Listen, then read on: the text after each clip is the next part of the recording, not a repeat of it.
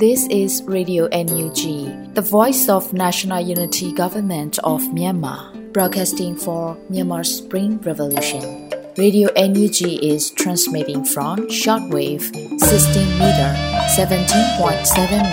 MHz at 8:30 a.m. and 25 meter 11.94 MHz at 8:30 p.m. Myanmar Standard Time.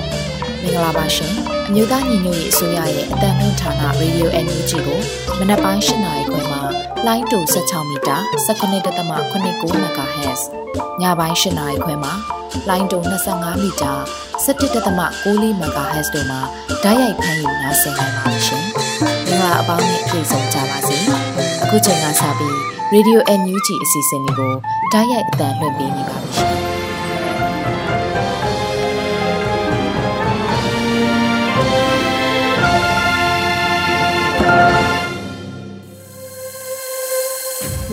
သူနိုင်ငံသားအပေါင်းတဘာဝပြီးဆရာနာရှင်ပေတို့ကနေကင်းဝေးပြီးကိုစိတ်နှပါဘေးကင်းလုံခြုံကြပါစေလို့ရေဒီယိုအန်ယူဂျီဖွယ်သားများကဆုတောင်းမေတ္တာပို့သလိုက်ရပါတယ်။အခုချိန်ကစပြီးရေဒီယိုအန်ယူဂျီရဲ့ပြည်တွင်းသတင်းများကိုတော့ຫນွေဦးမိုင်မှဖတ်ကြားတင်ပြပေးပါမယ်ရှင်။မင်္ဂလာပါရှင်။အခုချိန်ကစပြီးရေဒီယိုအန်ယူဂျီရဲ့ညပိုင်းအစီအစဉ်နောက်ဆုံးရသတင်းအချင်းချုပ်ကိုဖတ်ကြားပါတော့မယ်။ဒီသတင်းများကိုရေဒီယိုအန်ယူဂျီသတင်းတောင်ခံများနဲ့ ခိုင်လုံသောမိဖက်သတင်းရင်းမြစ်များစီမှအခြေခံတင်ပြထားခြင်းဖြစ်ပါတယ်ရှင်။ကျွန်မຫນွေဦးမိုင်းပါ။အထိနာလာတဲ့စစ်ကောင်စီဟာအရက်သားပြည်သူတွေကိုပြစ်မှတ်ထားလာတယ်လို့ကာကွယ်ရေးဝန်ကြီးတတိပေးတဲ့သတင်းကိုဥစွာတင်ပြပေးပါမယ်။အထိနာလာတဲ့စစ်ကောင်စီဟာအရက်သားပြည်သူတွေကိုပြစ်မှတ်ထားလာတယ်လို့ကာကွယ်ရေးဝန်ကြီးဦးရင်မွန်ကတတိပေးပြောကြားလိုက်ပါတယ်။ ပြည်သူခုခံတွန်းလှန်စစ်6လပြည့်အစီရင်ခံစာမှာဝင်ကြီးကဆိုပါတယ်။ဒီနေရာမှာရန်သူဘက်ကကျင့်သုံးလာတဲ့ view ဟာအပြောင်းလဲအခင်းအကျင်းကိုလည်းကျွန်တော်တို့သတိပြုဖို့လိုတယ်။စစ်မြေပြင်မှာ PDF နဲ့မဟာမိတ်တွေကြောင့်အဖက်ဖက်ကအထိနာလာတဲ့စစ်ကောင်စီဟာအစွမ်းကုန်အကြမ်းဖက်စစ် view ဟာကိုကျင့်သုံးလာတာတွေ့ရတယ်။သူတို့ရဲ့ပြစ်မှတ်ကအရက်သားပြည်သူတွေကိုပဲ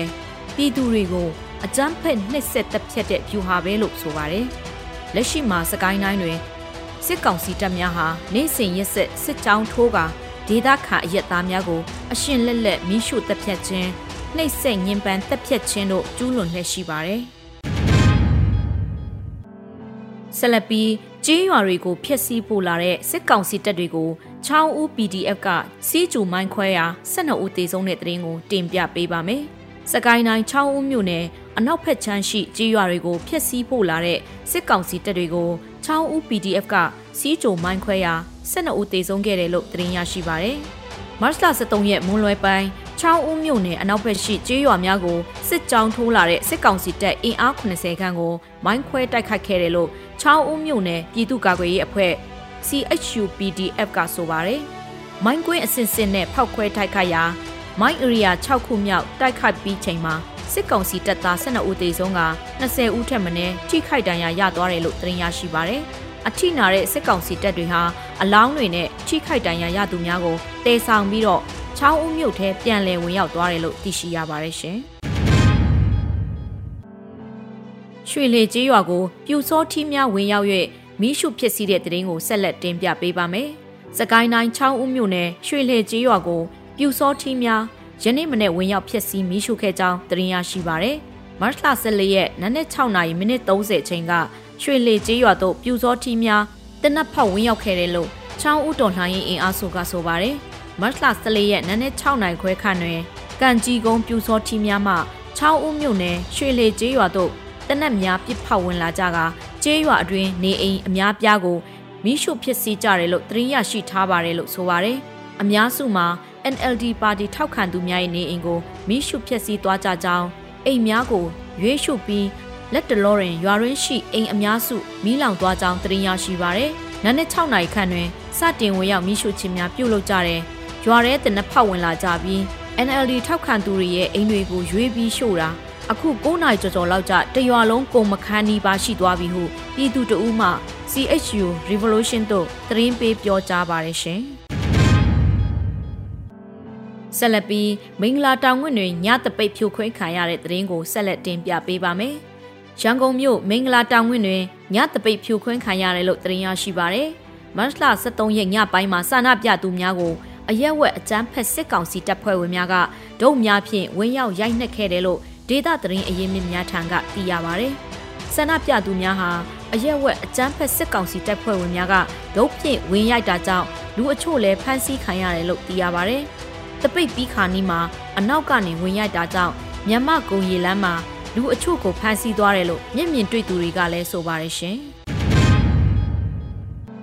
ဆက်လက်ပြီး Victoria ပြည်နယ်မှာငွေတိုက်စာချုပ်နဲ့ရန်ပုံငွေဩစတြေးလျဒေါ်လာ6000ကျော်ရရှိတဲ့သတင်းကိုတင်ပြပေးပါမယ်။ဩစတြေးလျနိုင်ငံဗစ်တိုးရီးယားပြည်နယ်မှာကျင်းပတဲ့ NUG အစိုးရရဲ့ငွေတိုက်စာချုပ်ရောင်းချပွဲနဲ့ဈေးရောင်းပွဲမှာ ဩစတြေးလျဒေါ်လာ6000ကျော်ကိုရောင်းချနိုင်ခဲ့တယ်လို့သိရပါဗျ။မတ်လ23ရက်နေ့မြန်မာနိုင်ငံရဲ့လူအခွင့်အရေးနေ့မှာငွေတိုက်စာချုပ်နဲ့ဈေးရောင်းပွဲတော်ကို NUG CRPH Support Group Australia ကဥဆောင်က Melbourne မြို့က Auckland Town Hall မှာကျင်းပခဲ့ခြင်းဖြစ်ပြီးငွေတိုက်စာချုပ် Australia ဒေါ်လာ4000ကျော်ဖိုးနဲ့ဈေးရောင်းပွဲကနေ2000ကျော်ဖိုးရောင်းချနိုင်ခဲ့တယ်လို့ NUG CRPH Support Group Australia ရဲ့ Victoria ပြည်နယ်ကိုယ်စားလှယ်ဦးအေးမင်းစိုးကပြောပါရယ်ဒီပွဲမှာမြန်မာရိုးရာစားတောက်စရာထမနဲမုံဟင်းကားဘူးသီးကျော်စသဖြင့်တိုင်းသားရိုးရာအဝတ်ထည်သုံးဆောင်ຫນွေဦးတော်လှန်ရေးအထိမ်းအမှတ်ရင်ထိုးတစိတ်တွေရောင်းချပါတယ်လို့ဦးအေးမင်းစိုးကပြောပါတယ်။မနေ့ကကျင်းပတဲ့အဲ့ဒီပွဲကိုဩစတြေးလျရောက်မြန်မာ300နဲ့900ကြားတက်ရောက်ခဲ့ပါတယ်။ ရောင်းချရရှိတဲ့အလှူငွေတွေကိုအကျန်းဖက်စစ်အုပ်စုနဲ့ဖိနှိပ်မှုအမျိုးမျိုးကြောင့်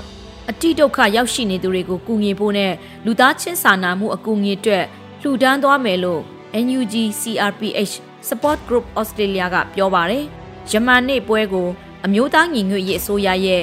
ဩစတြေးလျနိုင်ငံကိုယ်စားလှယ်ဒေါက်တာထွန်းအောင်ရွှေတက်ရောက်ခဲ့ပြီးအမျိုးသားညီညွတ်ရေးအစိုးရရဲ့လုပ်ငန်းစဉ်တွေနဲ့လာမည့်6လအတွင်းဆောင်ရွက်စရာရှိတာတွေကိုရှင်းလင်းပြောပြခဲ့က ရောက်ရှိလာကြတဲ့မဲလ်ဘွန်မြန်မာမိသားစုတွေကလည်းသိရှိလိုတာတွေကိုပွန့်ပွန့်လင်းလင်းမေးမြန်းခဲ့ကြတယ်လို့သိရပါဗျ။ဒီသတင်းကတော့ Delta News မှကောက်နှုတ်တင်ပြထားတာဖြစ်ပါရဲ့ရှင်။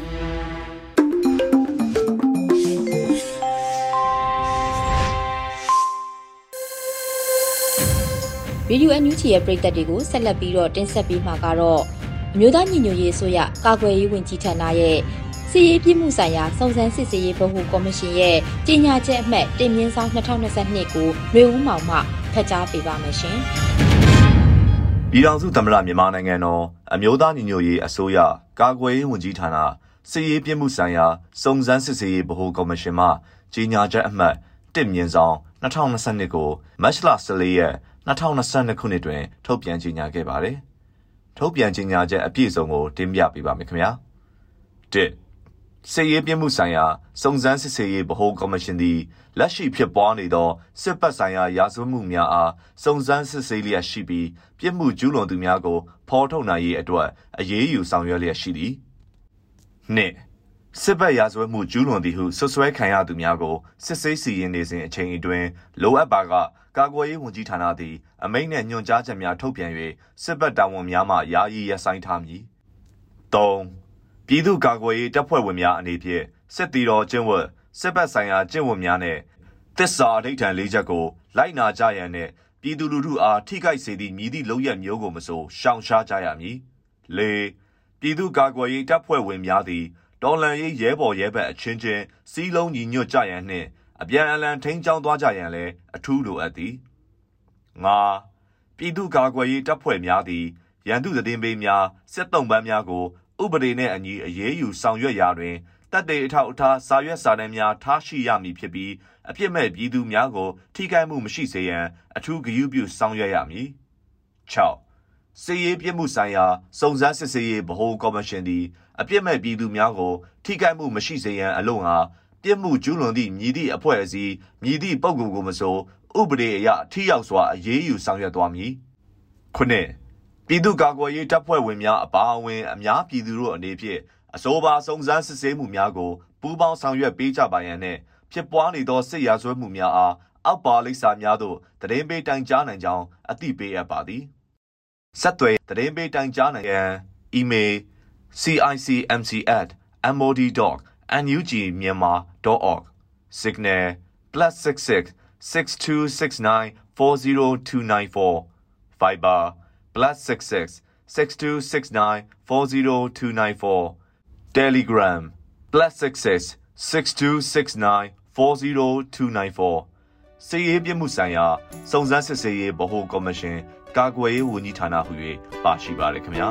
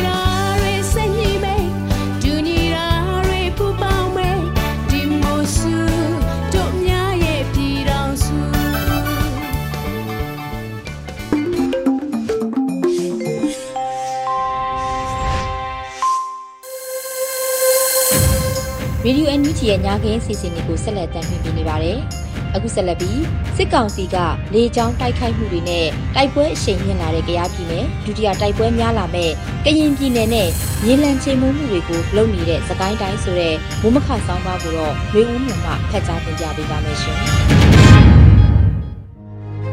စစ်ကောင်စီကလေကြောင်းတိုက်ခိုက်မှုတွေနဲ့တိုက်ပွဲအရှိန်မြင့်လာတဲ့ကြားပြည်နယ်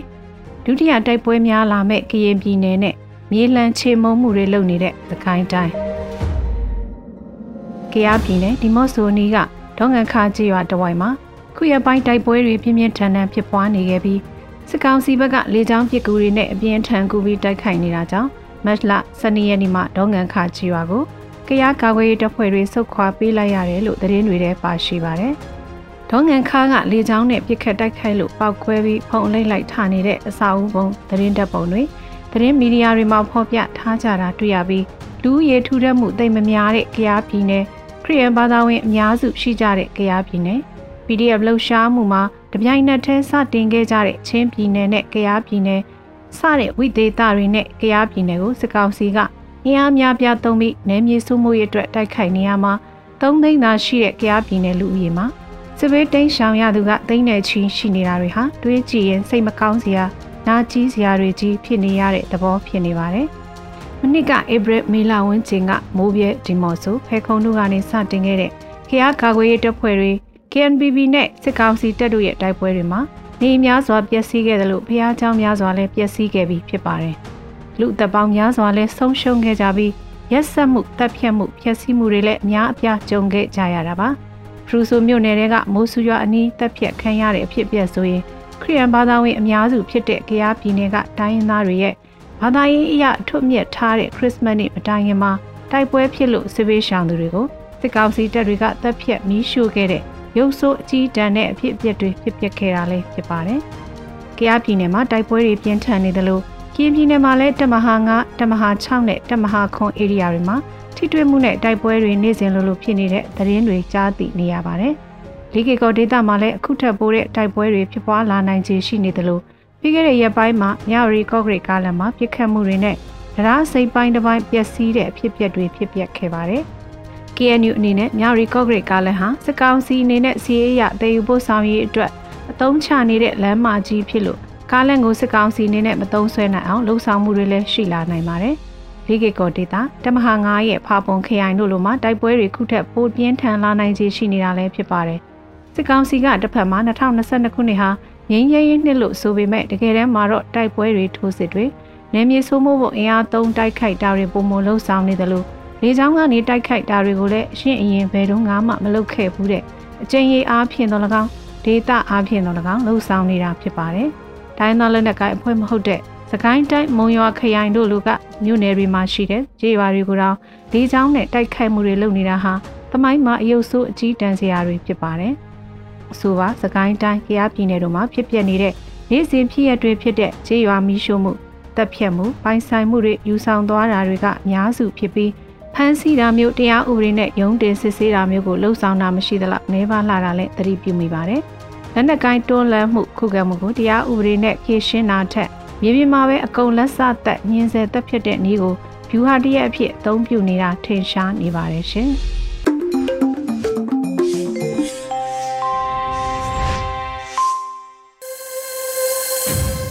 ရေဒီယိုအန်ယူဂျီမှာဆက်လက်အသံလွှင့်ပေးနေပါတယ်။ဒီနေ့ရဲ့တော်လှန်ရေးကြပြအစီအစဉ်မှာတော့မောင်ငိမ့်သက်ရေးသားပြီးရွေဦးမိုးဖက်ကြားတင်ပြထားတဲ့ကဘာကြီးရေဆိုတဲ့တော်လှန်ရေးကြပြကိုနားဆင်ကြရမှာဖြစ်ပါတယ်ရှင်။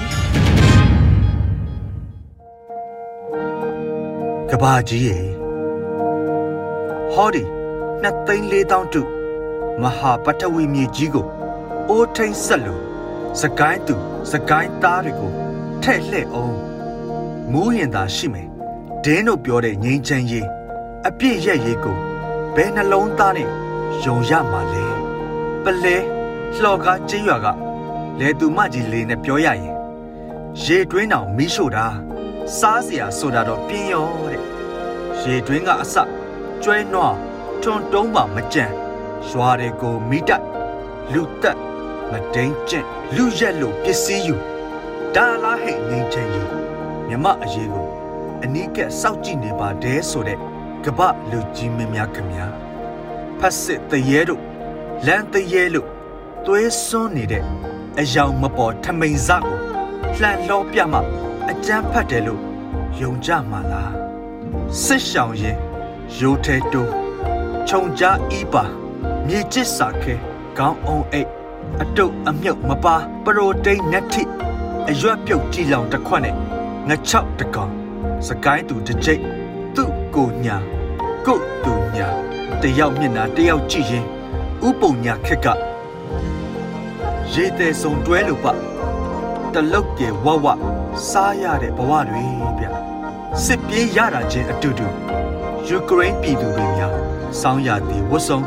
ကာလာရောင်စုံနဲ့ဂိုက်ပေးကကြမ်းစစ်မဖြစ်ခင်ကသူတို့လူမျိုးဥဆိုပုံရတယ်နော်လို့ ကိုရင်အော်စနီထွေးမြကဆိုတော့တို့ရွာကလူတွေပွဲကြကျုပ်ဖြစ်ဘဝအမောတွေကြားကပြုံးမိတယ်ဟုတ်ပါရဲ့ထွေးမြပြောမှကြည့်မိတယ်တို့ရွာကထွေးမြအပါလုံမမေတတကြီးငယ်မဟုအယောင်မပေါ်တဲ့မွဲပြထမိန်နဲ့ဟောဒီရိုးထဲတော်တူမြေကြီးကိုဒန်းလော့မှွေရမှတ်ပါလို့ကျဲမြင်လမြင်အရိုင်းခစ်တဲ့ရွက်လွင့်ကြတာ ဆရာကြီးဇော်ဝေဆိုတနာပါတယ်သူဟာ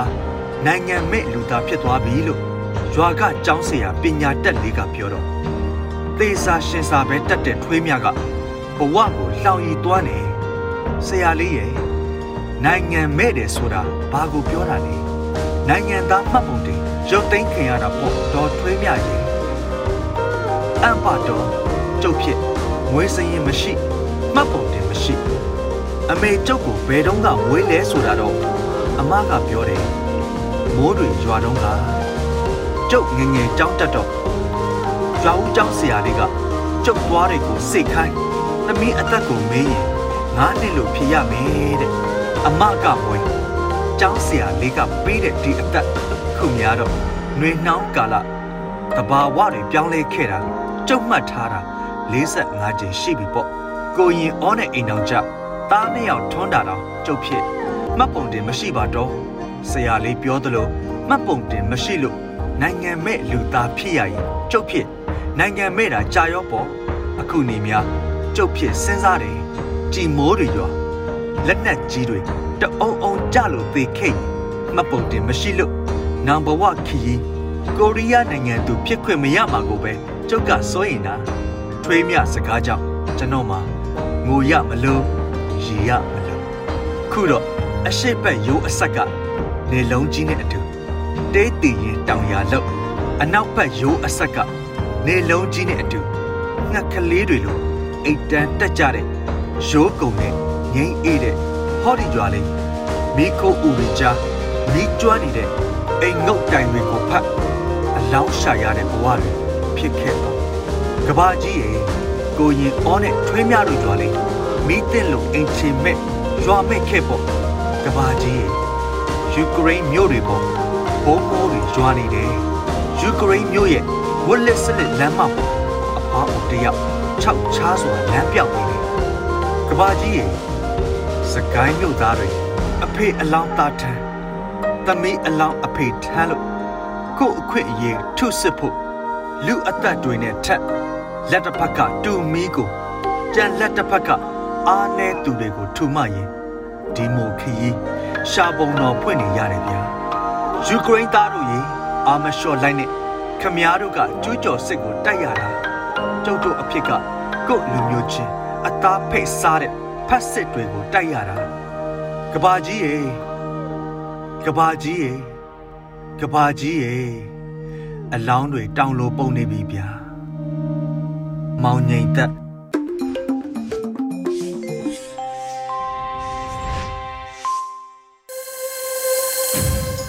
အခုဆက်လက်ပြီး Radio NUG ရဲ့ပရိသတ်တွေကိုနောက်ဆုံးစီစဉ်အနေနဲ့ရသက်တစ်ဖက်မိုးလေဝသခန့်မှန်းချက်ကို Airy မှဖတ်ကြားတင်ပြပေးပါမယ်ရှင်။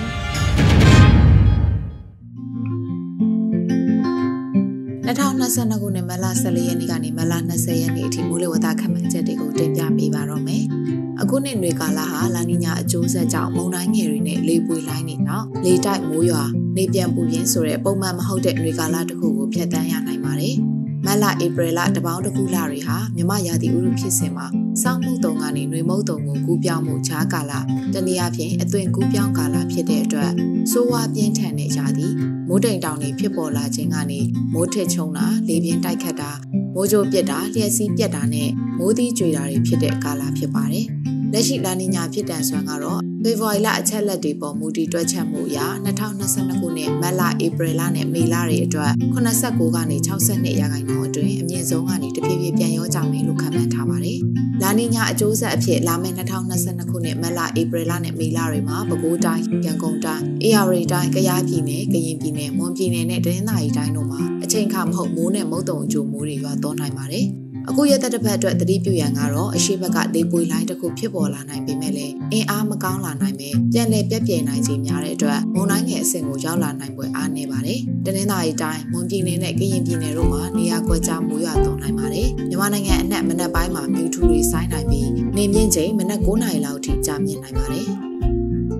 မလ14ရက်နေ့အတွက်မိုးလေဝသခန့်မှန်းချက်ကတော့မြန်မာနိုင်ငံအထက်ပိုင်းနဲ့အလဲပိုင်းတို့မှာမြောက်အရှေ့မြောက်ဘက်ကလေတွေတိုက်ခတ်လာနေပြီးတောင်ပိုင်းဒေသတွေမှာအရှေ့အရှေ့တောင်လေတွေတိုက်ခတ်နေနိုင်ပါတယ်။မိုးအခြေအနေကတော့တနင်္သာရီတိုင်းနဲ့မွန်ပြည်နယ်တို့မှာနေရာကွက်ကြားမိုးနှင်းငယ်ရွာနိုင်တာကလွယ်လို့ကြံတပြည်လုံးမှာတာယာနိုင်ပါတယ်။မြန်မာနိုင်ငံအထက်ပိုင်းနဲ့အလဲပိုင်းတို့မှာနေအပူချိန်မြင့်တက်မှုတွေတိတာလာပြီးရှမ်းပြည်နယ်ပဲခူးတိုင်းနေပြည်တော်နဲ့ရခိုင်ပြည်နယ်တို့မှာနေအပူချိန်တွေအနည်းငယ်မြင့်တက်လာနိုင်ပါတယ်။ မန္တလေးတိုင်းချင်းပြည်နယ်စကိုင်းတိုင်းကချင်ပြည်နယ်ရှမ်းပြည်နယ်ပဲခူးတိုင်းကယားပြည်နယ်နဲ့ကရင်ပြည်နယ်တို့မှာမနက်ပိုင်းမြူထူတွေကြာရောက်နိုင်ပါတယ်။မြမပင်လယ်ပြင်မှာအရှိအရှိတောင်ဘက်ကလေဟာတနအီကို9မိုင်ကနေ10မိုင်ထိတိုက်ခတ်နိုင်ပြီးလှိုင်းအနှဲငယ်ရှိနိုင်ပါတယ်။မလ15ရက်နေ့အတွက်ခံမှန်းချက်ကတော့မြန်မာနိုင်ငံအထက်ပိုင်းနဲ့အလဲပိုင်းတို့မှာအနောက်အနောက်မြောက်ဘက်ကလေတွေတိုက်ခတ်လာနေပြီးတောင်ပိုင်းဒေသတွေမှာအရှိအရှိတောင်လေတွေတိုက်ခတ်နေနိုင်ပါတယ်။ မိုးအခြေအနေကတော့တနင်္သာရီတိုင်းမွန်ပြည်နယ်နဲ့ကရင်ပြည်နယ်တို့မှာနေရာကွက်ကြားမိုးနှင်းငယ်ရွာနိုင်တာကလွယ်လို့ကြံတပြည်လုံးမှာတာယာနိုင်ပါတယ်။မြန်မာနိုင်ငံအထက်ပိုင်းနဲ့အလဲပိုင်းတို့မှာနေအပူချိန်မြင့်တက်မှုတွေသိသာလာပြီးရှမ်းပြည်နယ်၊ပဲခူးတိုင်း၊နေပြည်တော်နဲ့ရခိုင်ပြည်နယ်တို့မှာနေအပူချိန်တွေအနည်းငယ်မြင့်တက်လာနိုင်ပါတယ်။မန္တလေးတိုင်း၊ချင်းပြည်နယ်၊စကိုင်းတိုင်း၊ကချင်ပြည်နယ်၊ရှမ်းပြည်နယ်၊ပဲခူးတိုင်း၊ကယားပြည်နယ်နဲ့ကရင်ပြည်နယ်တို့မှာမနက်ပိုင်းမြူထူတွေကြာရောက်နိုင်ပါတယ်။ မြမပင်လယ်ပြင်မှာအရှိအရှိတောင်ဘက်ကလေဟာတနအီကို9မိုင်ကနေ10မိုင်အထိတိုက်ခတ်နိုင်ပြီးလှိုင်းအနှဲငယ်ရှိနိုင်ပါတယ်။မလ16ရက်နေ့အတွက်ခံမှန်းချက်ကတော့မြန်မာနိုင်ငံအထက်ပိုင်းနဲ့အလဲပိုင်းတို့မှာအနောက်အနောက်တောင်လေတွေတိုက်ခတ်လာနေပြီးတောင်ပိုင်းဒေသတွေမှာအရှိအရှိတောင်လေတွေတိုက်ခတ်နေနိုင်ပါတယ်။မိုးအခြေအနေကတော့အေယာဝတီတိုင်းတနင်္သာရီတိုင်းမွန်ပြည်နယ်နဲ့ကရင်ပြည်နယ်တို့မှာနေရာကွက်ကြားမိုးနှင်းငယ်ရွာနိုင်တာကလွဲလို့ကြံတပြည်လုံးမှာတာယာနိုင်ပါတယ်။ မြန်မာနိုင်ငံအထက်ပိုင်းနဲ့အလဲပိုင်းတို့မှာနေအပူချိန်မြင့်တက်မှုတွေတည်တာလာပြီးရှမ်းပြည်နယ်ပဲခူးတိုင်းနေပြည်တော်နဲ့ရခိုင်ပြည်နယ်တို့မှာနေအပူချိန်တွေအနည်းငယ်မြင့်တက်လာနိုင်ပါတယ်။မန္တလေးတိုင်းချင်းပြည်နယ်စကိုင်းတိုင်းကချင်ပြည်နယ်ရှမ်းပြည်နယ်ပဲခူးတိုင်းကယားပြည်နယ်နဲ့ကရင်ပြည်နယ်တို့မှာမနက်ပိုင်းမြူထူများကြာရောက်နိုင်ပါတယ်။မြမပင်လယ်ပြင်မှာအရှိအရှိတောင်ဘက်ကလေဟာတနအီကို9မိုင်ကနေ10မိုင်ထိတိုက်ခတ်နိုင်ပြီးလှိုင်းအနှဲငယ်ရှိနိုင်ပါတယ်။ မလ18ရက်နေ့အတွက်ခံမှန်းချက်ကတော့မြန်မာနိုင်ငံအထက်ပိုင်းနဲ့အလယ်ပိုင်းတို့မှာအနောက်အနောက်တောင်လေတွေတိုက်ခတ်လာနေပြီးတောင်ပိုင်းဒေသတွေမှာအရှိအရှိတောင်လေတွေတိုက်ခတ်နေနိုင်ပါတယ်။မိုးအခြေအနေကတော့တနင်္သာရီတိုင်းနဲ့မွန်ပြည်နယ်တို့မှာနေရာကွက်ကြားမိုးနှင်းငယ်ရွာနိုင်တာကလွယ်လို့ကြံတပြည်လုံးမှာတာယာနိုင်ပါတယ်။မြန်မာနိုင်ငံအထက်ပိုင်းနဲ့အလယ်ပိုင်းတို့မှာနေအပူချိန်မြင့်တက်မှုတွေသိသာလာပြီးရှမ်းပြည်နယ်၊ပဲခူးတိုင်း၊နေပြည်တော်နဲ့ရခိုင်ပြည်နယ်တို့မှာနေအပူချိန်တွေအနည်းငယ်မြင့်တက်လာနိုင်ပါတယ်။ မန္တလေးတိုင်း၊ချင်းပြည်နယ်၊စကိုင်းတိုင်း၊ကချင်ပြည်နယ်၊ရှမ်းပြည်နယ်၊ပဲခူးတိုင်း၊ကယားပြည်နယ်နဲ့ကရင်ပြည်နယ်တို့မှာမနက်ပိုင်းမြူထူတွေကြာရောက်နိုင်ပါတယ်။မြမပင်လယ်ပြင်မှာအရှိအရှိတောင်ဘက်ကလေဟာတနအီကို9မိုင်ကနေ10မိုင်ထိတိုက်ခတ်နိုင်ပြီးလှိုင်းအနှိမ့်ငယ်ရှိနိုင်ပါတယ်။မလ16ရက်နေ့အတွက်ခံမှန်းချက်ကတော့မြန်မာနိုင်ငံအထက်ပိုင်းနဲ့အလယ်ပိုင်းတို့မှာအနောက်အနောက်တောင်လေတွေတိုက်ခတ်လာနေပြီးတောင်ပိုင်းဒေသတွေမှာအရှိအရှိတောင်လေတွေတိုက်ခတ်နေနိုင်ပါတယ်။ဘ င်္ဂလားပင်လယ်ော်အရှိတောင်ပိုင်းဆူမာဒရထိပ်အနီးမှာလေပွေလိုင်းတစ်ခုလည်းဖြစ်ပေါ်လာနိုင်ပါတယ်။မိုးချေနေကတော့တနင်္သာရီတိုင်းနဲ့မွန်ပြည်နယ်တို့မှာနေရာကွက်ကြားမိုးနှင်းငယ်ရွာနိုင်တာကလွယ်လို့ကြံတပြည်လုံးမှာတာယာနိုင်ပါတယ်။မြန်မာနိုင်ငံအထက်ပိုင်းနဲ့အလဲပိုင်းတို့မှာနေအပူချိန်မြင့်တက်မှုတွေသိသာလာပြီးရှမ်းပြည်နယ်၊ပဲခူးတိုင်း၊နေပြည်တော်နဲ့ရခိုင်ပြည်နယ်တို့မှာနေအပူချိန်တွေအနည်းငယ်မြင့်တက်လာနိုင်ပါတယ်။မ န္တလေးတိုင်း၊ချင်းပြည်နယ်၊စကိုင်းတိုင်း၊ကချင်ပြည်နယ်၊ရှမ်းပြည်နယ်၊ပဲခူးတိုင်း၊ကယားပြည်နယ်နဲ့ကရင်ပြည်နယ်တို့မှာမနက်ပိုင်းမြူထူတွေကြာရောက်နိုင်ပါတယ်။မြမပင်လယ်ပြင်မှာအရှိအရှိတောင်ဘက်ကလေဟာတနအီကို9မိုင်ကနေ10မိုင်ထိတိုက်ခတ်နိုင်ပြီးလိုင်းအနည်းငယ်ရှိနိုင်ပါတယ်။မလ19ရက်နေ့အတွက်မိုးလေဝသခန့်မှန်းချက်ကတော့မြန်မာနိုင်ငံအထက်ပိုင်းနဲ့အလယ်ပိုင်းတို့မှာ